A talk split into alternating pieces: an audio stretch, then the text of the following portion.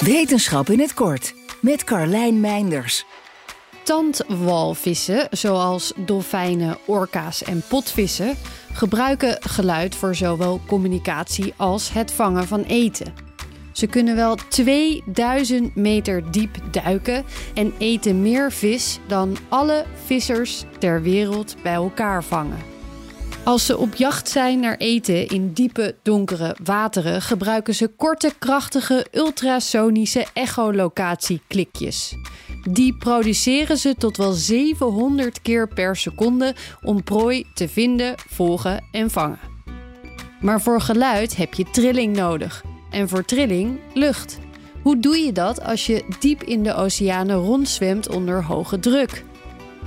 Uit nieuw onderzoek blijkt dat deze dieren een speciale geluidsbron in hun neus hebben ontwikkeld, waarmee ze, net als wij mensen met onze stem, verschillende geluidsregisters kunnen produceren. Voor het vangen van eten in de diepte gebruiken ze hun bromstem of kraakstem, in het Engels vocal fry.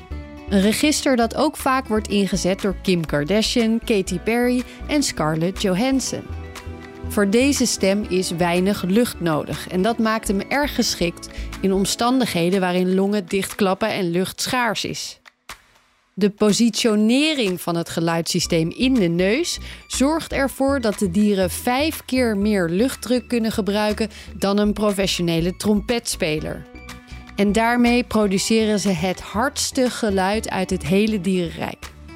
Een geluid dat dus, als ze op zoek zijn naar eten in de diepte, in de neus wordt gemaakt en door de schedel heen het water in wordt gestuurd. Wil je elke dag een wetenschapsnieuwtje? Abonneer je dan op Wetenschap vandaag. Spotify is partner van Wetenschap vandaag. Luister Wetenschap vandaag terug in al je favoriete podcast-apps. Daden zijn duurzamer dan woorden. Bij PwC geloven we dat de uitdagingen van de toekomst vragen om een ander perspectief. Door deze uitdagingen van alle kanten te bekijken komen we samen tot duurzame oplossingen. Zo zetten we duurzaamheidsambities om in acties die ertoe doen. Ga naar pwc.nl.